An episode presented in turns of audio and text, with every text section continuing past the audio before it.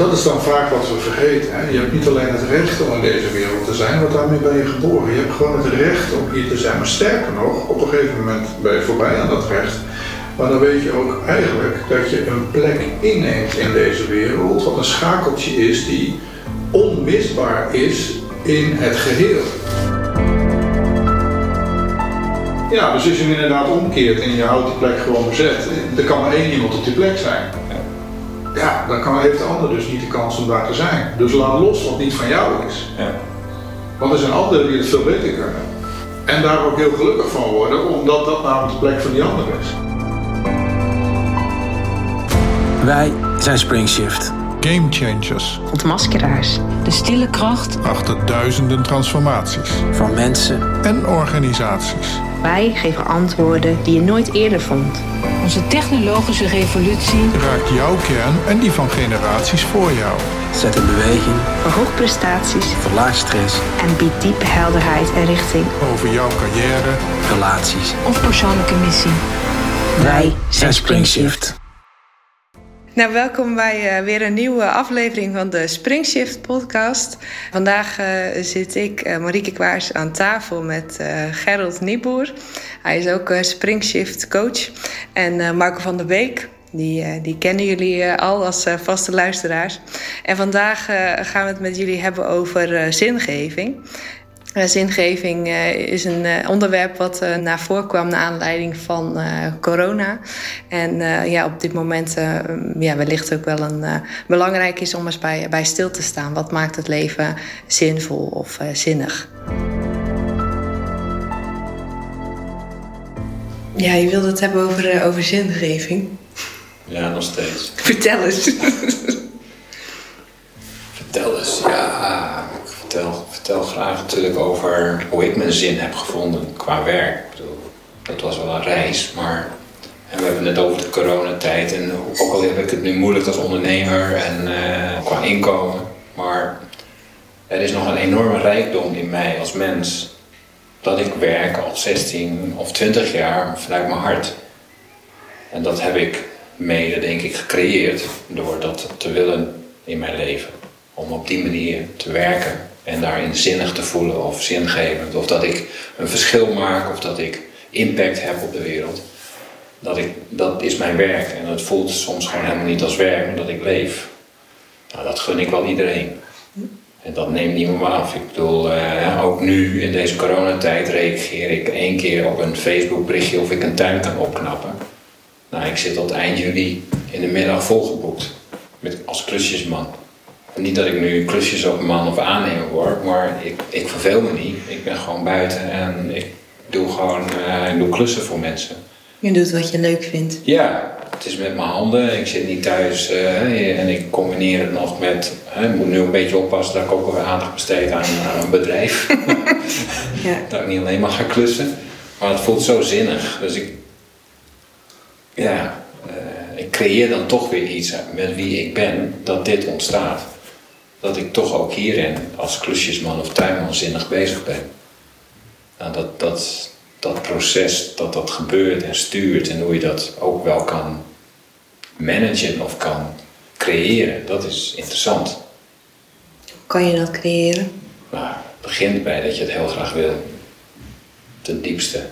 Dat je het verlangen hebt om misschien, als je nu bijvoorbeeld, dat, ik werkte toen bij KPN als manager en dat vond ik in het begin leuk, maar dat werd steeds minder leuk omdat ik minder de ruimte had om daarin te zijn wie ik ben.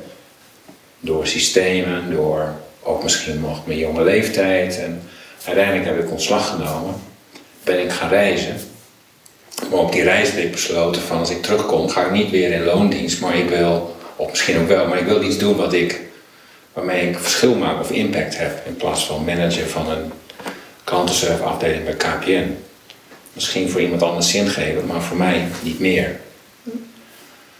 Dus op die reis neem ik een, ten diepste een beslissing dat ik op een andere manier wil gaan werken. Daar, is het voor mij begonnen. Zeg maar de intentie of ja, een diep innerlijk besluit. Gaan systemen ten koste van zingeving?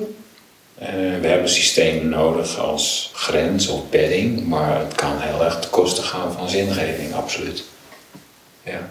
Dat heb je zelf ervaren. Heb ik zelf ervaren door in een systeem of een afdeling van KPN met, met druk van cijfers, met collega's die politieke spelletjes spelen onderling als management of in een team. Hè. En natuurlijk teruggekeken was ik 28 en manager van 500 man en 12 afdelingsmanagers. Ja, misschien te jong, gekke werk. Ik heb heel veel geleerd en die functie is ontstaan doordat mijn gestuurd vanuit ambitie. Hè, want dat kreeg ik niet mee vanuit huis. Dus ik kwam bij KPN als monteur en ik ging de avond HBO doen en ik ging me opwerken. En dat was een enorm goed gevoel. Daar heb ik ook heel veel in geleerd, daar ben ik nog steeds dankbaar voor. Maar uiteindelijk liep ik vast in dat systeem. En denk, hé, hey, voelt gewoon niet meer zingevend, zeg maar. Of het voelt niet meer vreugdevol, of het voelt niet meer als een flow of als. Hè. Hoe ben je daar dan achter gekomen? Want we hebben het natuurlijk wel over zingeving. Ja. maar Het is natuurlijk een heel, heel breed woord. Iedereen eh, zou wel eh, met eh, zingeving bezig willen zijn. Maar Is dat zo? Ook een interessante vraag. ja, in ieder geval willen doen wat ze leuk vinden. Ja. En ook dat zou wel een interessante vraag kunnen zijn. Wil iedereen wel doen wat ze leuk vinden? ja. Of durf je los te laten om dat, om te gaan vinden of creëren dat wat je echt leuk vindt. Ja, dat is natuurlijk van kinds af aan wel tegen je gezegd. Je moet doen, je moet doen wat je leuk vindt. Ja, maar bij mij niet, maar dat wordt wel vaak gezegd. Ik zeg het ook. Ja, maar in, in het onderwijs werd het ook wel meegegeven. Hè? Dus je hebt een beroepenkeuze, eh, wat je op een gegeven moment ging doen. En eh, er werden wat gesprekken gevoerd van studiekeuzes, want dat was natuurlijk ook een eerste richting. En Ja. het samenstellen van je pakketten die al voorsorteren op wat jij later wilt gaan doen als je groot bent. Ja. Ja, dat zijn natuurlijk eh, eh, hele grote vragen waar je als, eh, als, als kind eigenlijk nog helemaal geen idee van hebt. En ik vraag me af of de mensen tegenwoordig nog wel een idee hebben van eh, doe je eigenlijk wel waarvoor je hier bent? Ja. Nou ja, door, door mijn, mijn, mijn bedrijf wat is ontstaan door die intentie. Hè, met, met, nou, jullie weten wat ik doe, met, met mensen, hè, langdurig werkloze mensen weer eh, hè, in hun kracht zetten. Maar als je heel veel mensen vraagt eh, wat zij willen doen, zijn heel veel mensen hebben die vraag ook nooit aan zichzelf gesteld. Of is er ook nooit gevraagd. En zeker niet in het schoolsysteem. Nee, Dus dat is, dat is ook op zich gewoon al een. Hè, het is ook niet een makkelijk proces om misschien wel te vinden wat je leuk vindt. Tenzij je vier bent en je pakt een viool en je bent een supertalent. Ik bedoel, dat soort mensen zijn er. Maar de meeste mensen moeten in het leven zelf uitvinden door kans of Ja, tegenslag. dan is het nog maar de vraag of je het leuk vindt. Ja, Want als je heel veel kan, dan hoeft het niet allemaal ontzettend leuk te zijn. nou ja. Of een bepaalde richting eh, te ja. Ja, ons schoolsysteem bereidt ons natuurlijk wel voor op, op de maatschappij die komt, waarin binnensystemen nu eenmaal de norm zijn. Is dat ook waarom mensen vastlopen? Voor een deel, denk ik. Ik bedoel, het is natuurlijk in systemen, in organisaties altijd een bepaalde druk tot resultaten en prestaties. Maar als je niet doet wat je echt leuk vindt, dan denk ik dat je ook je eigen druk in je lijf opbouwt als een factor van stress, omdat je niet, nou ja, mooi gezegd, je hart volgt of in tune bent met waarvoor, hè, dan maakt het iets groter, met waarvoor je misschien op aarde bent. En dat kun je je spirituele bestemming noemen, of je reis, of je, of je gewoon heel plat gezegd je potentieel leven. Daar gaat het eigenlijk, denk ik, om. Dat je je, je talent benut en dat je, je jezelf ontdekt wie je echt bent en waar je, waar je, waar je aangaat. Waar je, ik las vorige week een mooie, ik weet niet meer waar, LinkedIn of Facebook, van, eh, over AMA-blokjes. Wat is je vuur. wat je vuur, wat je aanzet. Wat je, waar je, je, eh, ja, je hoort zoveel van dit soort dingen als je het over zingeving hebt. Van waar kom je je bed vooruit? En, eh, hè? Of aanmaakklokjes in dit geval. Vond het wel heel leuk. Ik vond het wel heel leuk. En soms blijven dat soort leuke dingen hangen. En die gebruik je dan ook ergens weer, zoals nu hier. Maar Ja. ja, het is wel zo beeldend. Van ja, waar ga je aan van? Waar ga jij aan van? Nou ja, ik ben aangegaan door. door eh, ik had geen idee. Ik wist alleen maar dat ik sociaal-maatschappelijk iets wilde doen. En door een ontmoeting met een langdurig werkloos iemand die vertelde hoe het is om in een uitkeringspositie te zitten. En dat hij van allerlei dingen een reïntegratietraject had gedaan om weer aan de slag te kunnen of te moeten van de sociale dienst. En dat hij uiteindelijk gewoon is afgeschreven, dat raakte mij diep. In, eigenlijk in mijn boosheid. Van hoe dat wij zo met mensen omgaan. En toen, toen eh, als je dan zo iemand vraagt van wat zou je zelf nog willen in plaats van de sociale dienst, dan, dan hoor je een, soms meestal een verlangen van iemand die er en ten eerste helemaal niet over werk gaat. Hè, over heel andere dingen waar mensen naar verlangen. Dus iemand wordt uitge, uitge, uitgerangeerd of afgeschreven door, door een instituut. Heeft nog 30, 14 jaar te leven, maar heeft nog steeds ergens een verlangen, dus een zin om iets te doen. En dat ben ik, ben ik gaan aanboren. En daarmee gaan bouwen dat iemand weer beter in het leven staat. En dan zie je dat iemand ook wat, wat gaat doen, ook weer gaat werken. En dat, dat heeft mij heel erg. Uh, omdat ik ook iets heb met mensen die buiten iets worden gezet. Buiten een systeem. Of, uh, het heeft waarschijnlijk te maken met mijn eigen gezin van herkomst. Hè. Dus je, je zoekt ook je eigen pad met je eigen geschiedenis. Maar uiteindelijk is het, uh, is het ook vanuit het hart, vanuit liefde voor deze mensen, dat ook deze mensen gewoon potentieel zijn. Ja. En uh, ja, die hebben gewoon net even op die dunne lijn, die zijn net even de verkeerde kant opgevallen. Door wat ze, wat ze meemaken. Dus uh, ja, dat is mijn ding geworden. Uiteindelijk mensen begeleiden. En nu doe ik het met mannen. En ehm, wil ik ook wel graag weer terug naar organisaties. Maar uiteindelijk zijn het allemaal mensen of je nou langdurig werkloos bent of uh, in een slechte relatie zit als man en dat steeds weer hebt. En uh, hoe kan dat nou? Of uh, je hebt een burn-out in het bedrijfsleven. Uiteindelijk vind ik het heel mooi om mensen door gesprek, door de ontmoeting, dat mensen weer een nieuw perspectief krijgen op hun leven. Dus ook eigenlijk weer zin, zeg maar. Ja. Dus ik vind het fijn om zin te geven aan dingen. Ja. ja. Kan, jij, kan je iets toelichten, Marco, over het stukje de beïnvloeding van DNA en zingeving? Heb je daar een beeld bij?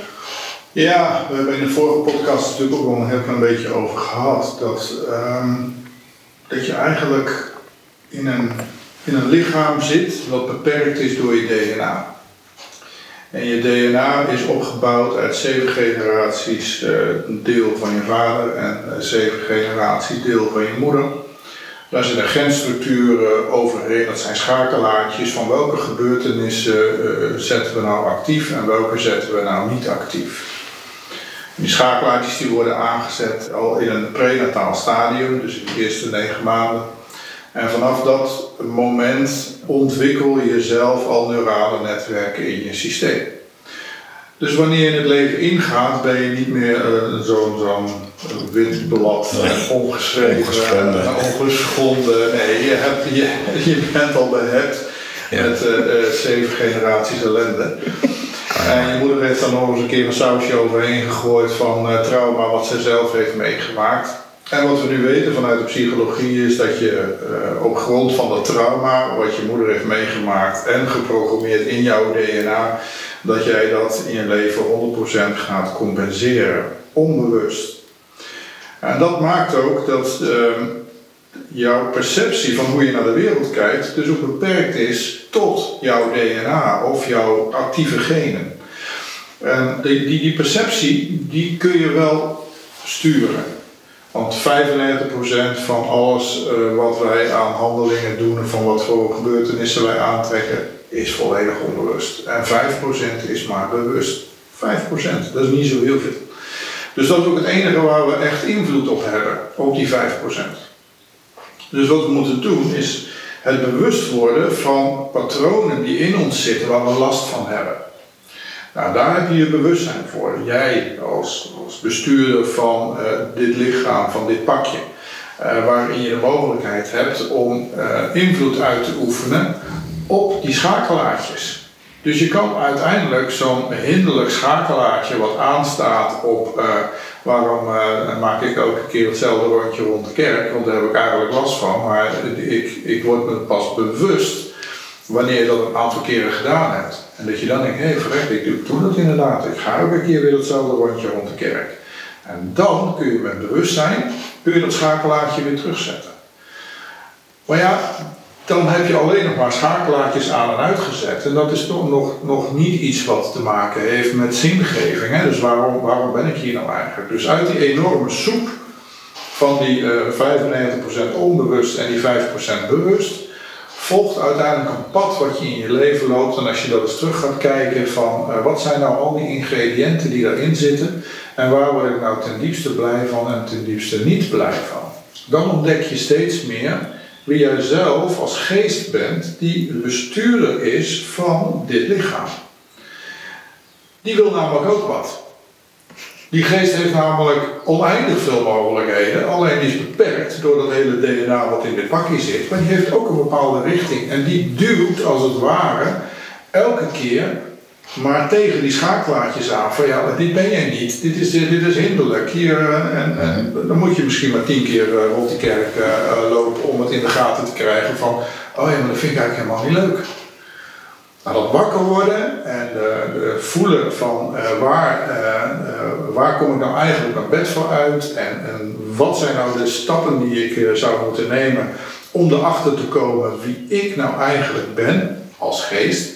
Want het lichaam is een vehikel. En dat is alleen maar een, een, een, een beperkende factor in alles wat je met je geest kunt.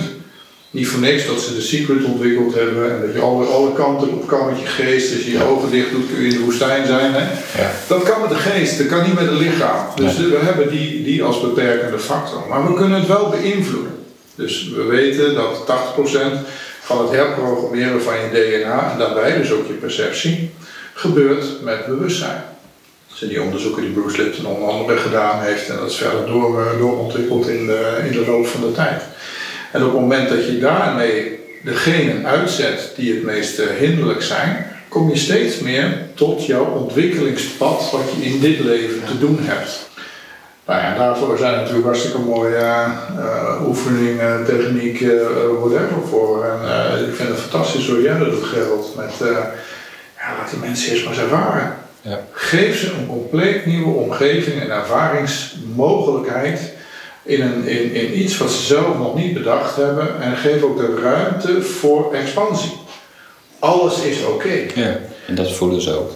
Ja, want op het moment dat je weer gaat beperken, oh dat mag niet en dat kan niet en dat zus niet. En als je dat niet doet, ja, dan heb je maar zo'n beperkte speelruimte. Ja, eh, ja, natuurlijk, een aantal kan daar goed in eh, functioneren. Maar niet als je vrij wil zijn en als je wil ontwikkelen, dan heb je juist die onbegrensde mogelijkheden nodig.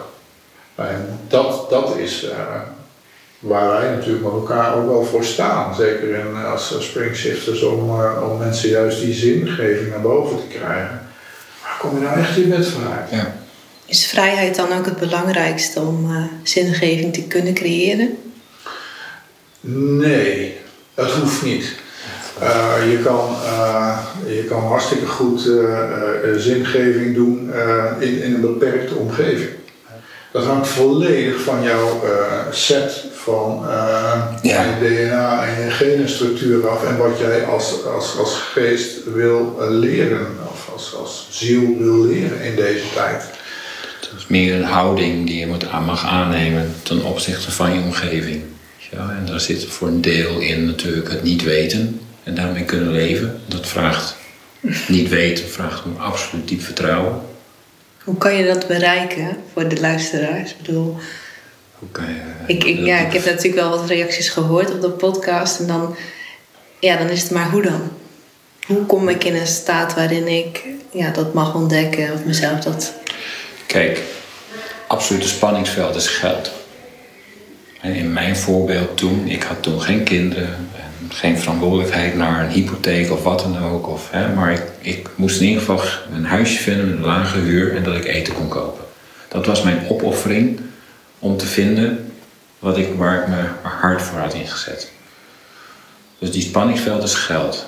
Ieder mens heeft dat die basis nodig. Daar begint het. Dus je creëert een, een omgeving waarin je de ruimte voor jezelf hebt om dat proces aan te gaan. Een soort comfort. Want als je dat niet hebt, dan zit je te veel in spanning. En dan kun je niet zeggen, ik heb diep vertrouwen dat gebeuren. Dat, is, dat vraagt te veel. Dus die, die bestaansrecht, dat, hè, de basisbehoeftes. Het overleven moet ik in ieder geval... het een beter eh, woord is, want Ja. geld is natuurlijk Ja. inmiddels gemanifesteerd als basisbehoefte. Precies. Hè, Een dak boven je hoofd, eten. Hè? En daar maak je zelf keuze in. Wat heb ik nou echt nodig om deze reis aan te gaan? Hè, Voor mij was het één keer in de maand een biertje. En één winter de kachel uit. Extreem voorbeeld. Maar Dat heb je ook echt gedaan. heb ik echt gedaan. Oké. Ja. Hè? Maar dus dat, die bestaansrecht. Maar daarna is het die intentie. Hoe dan? Ja, hoe zet je een intentie? Door echt ja, ook jezelf te focussen op van dit is echt wat ik wil. Ik wil op die manier werken. En wat ik toen had is dat ik, dat ik al voelde hoe het was om zo te mogen werken in de toekomst. Je zag het helemaal voor je. Ik zag het voor me, ik voorvoelde het voor als ik het zo mag zeggen. Eh, En achteraf kun je allemaal zeggen van het, hè, het is altijd achteraf dat ik dit nu kan vertellen.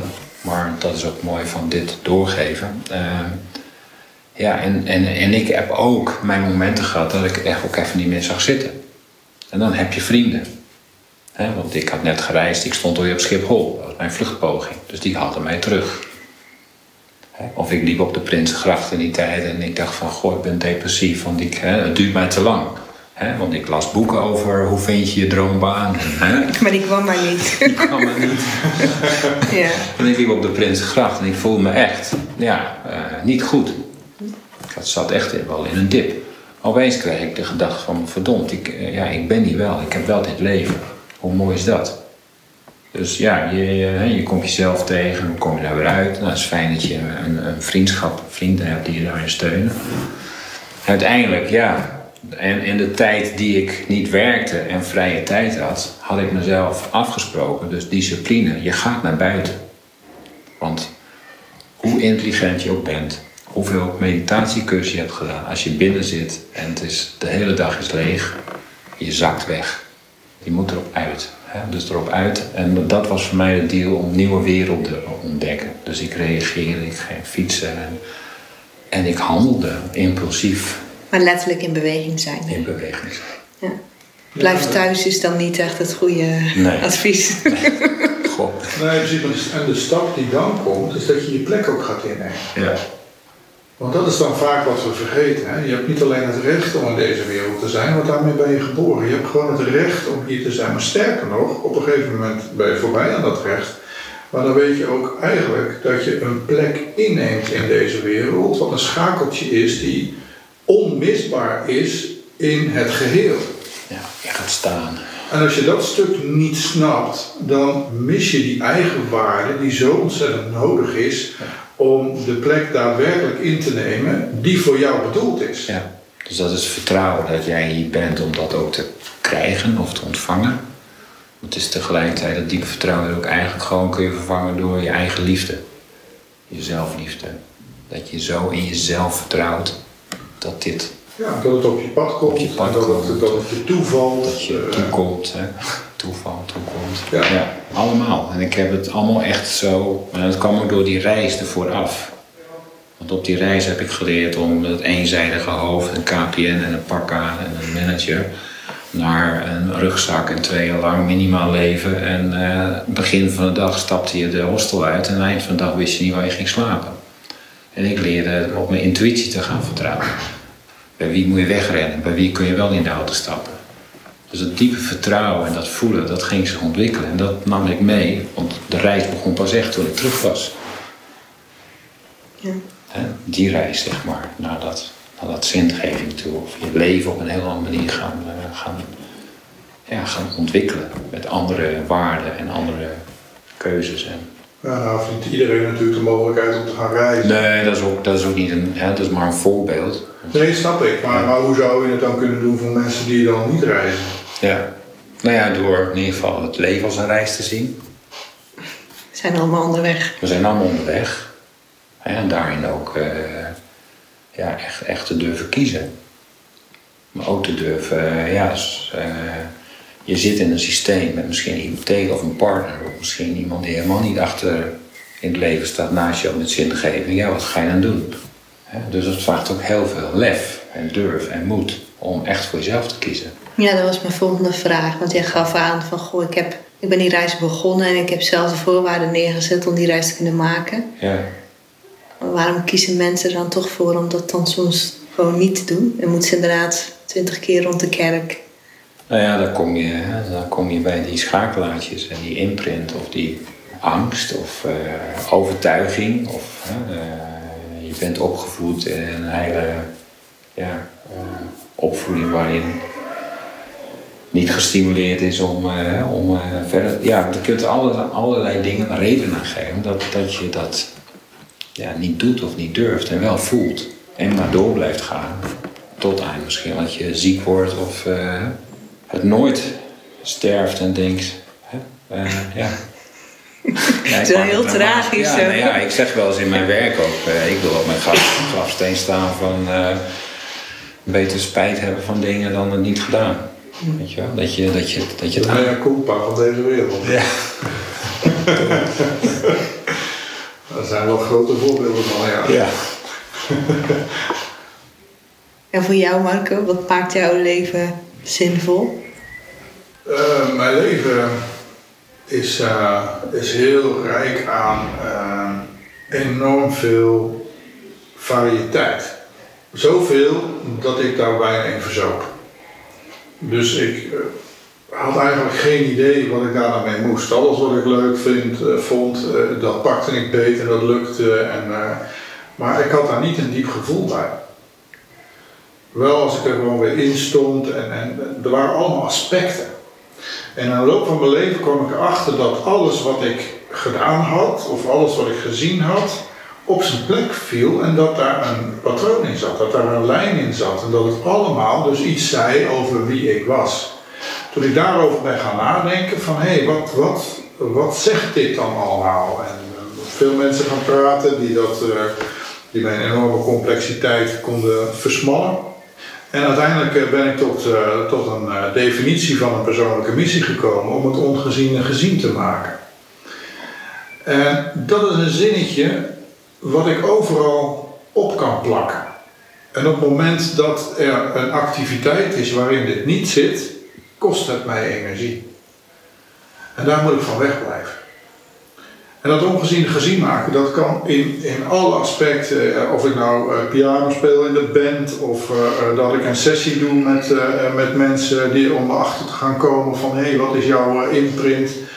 Of dat ik de cijfertjes voor een bedrijf nakijk om te zien van wat, wat, wat zegt dit nou eigenlijk en wat is de volgende richting. Het zijn allemaal die ongeziene factoren die ik gezien kan maken. En daarin valt ook een stukje ontmaskeren en de dingen laten zien die er zijn, of eh, het wakker worden of het wakker maken. En, en, en het ongeziene gezien maken van mij gaat ook nog eens over tijd en ruimte heen.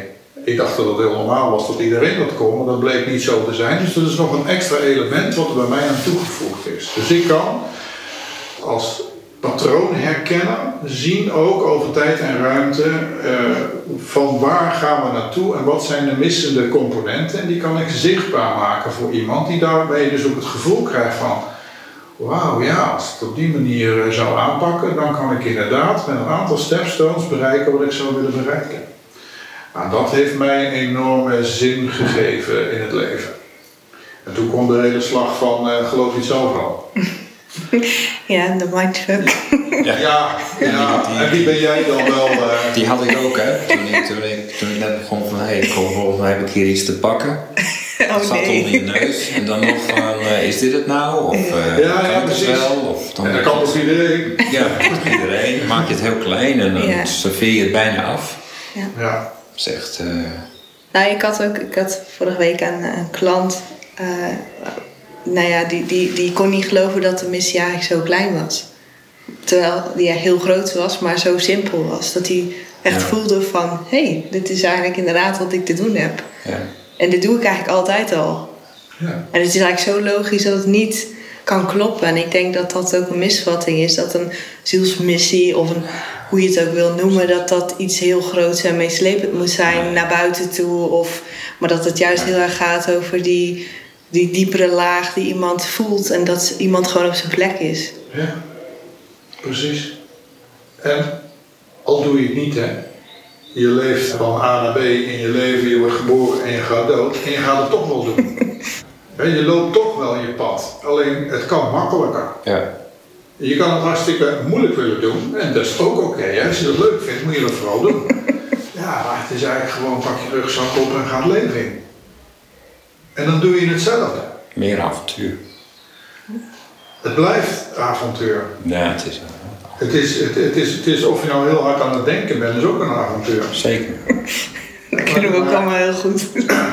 We proberen daar eh, waardes aan te geven en die waardes zijn vaak ook weer belemmerend voor de ontwikkeling.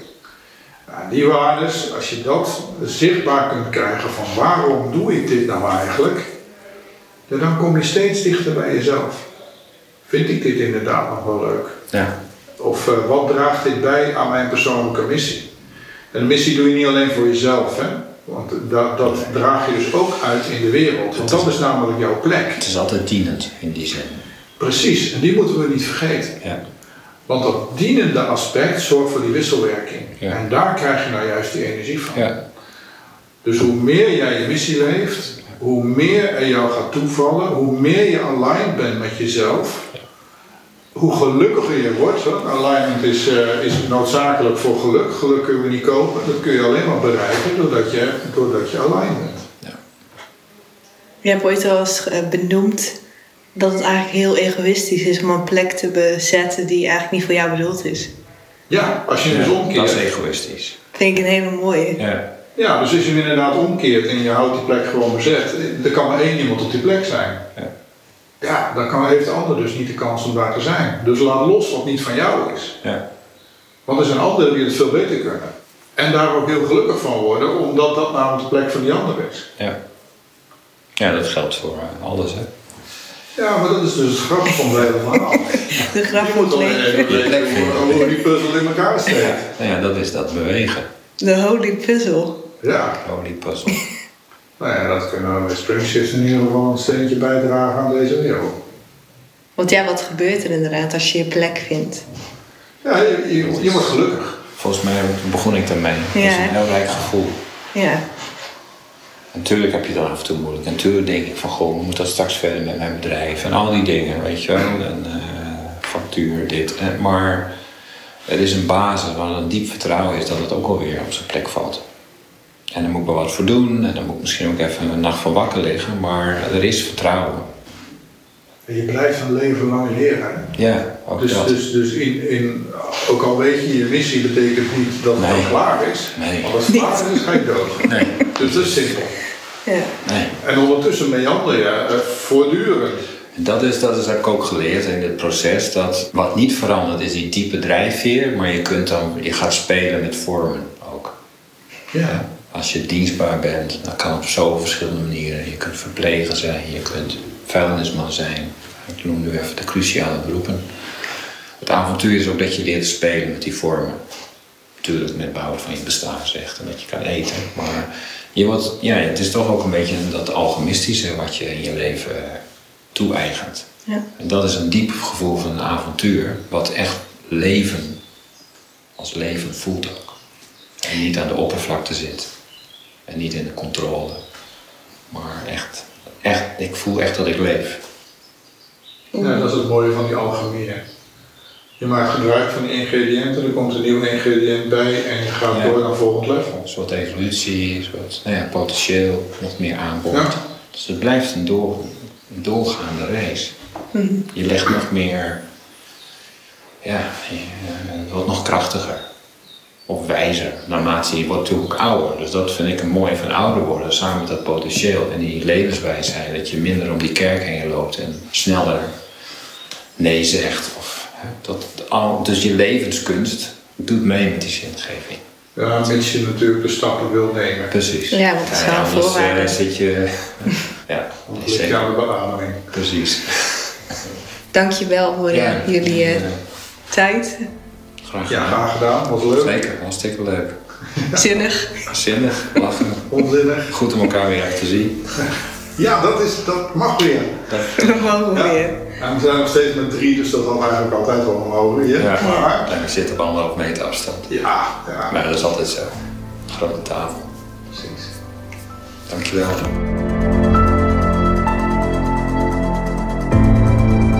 Dankjewel voor het luisteren naar deze Springshift podcast. En om de week plaatsen wij een nieuwe aflevering.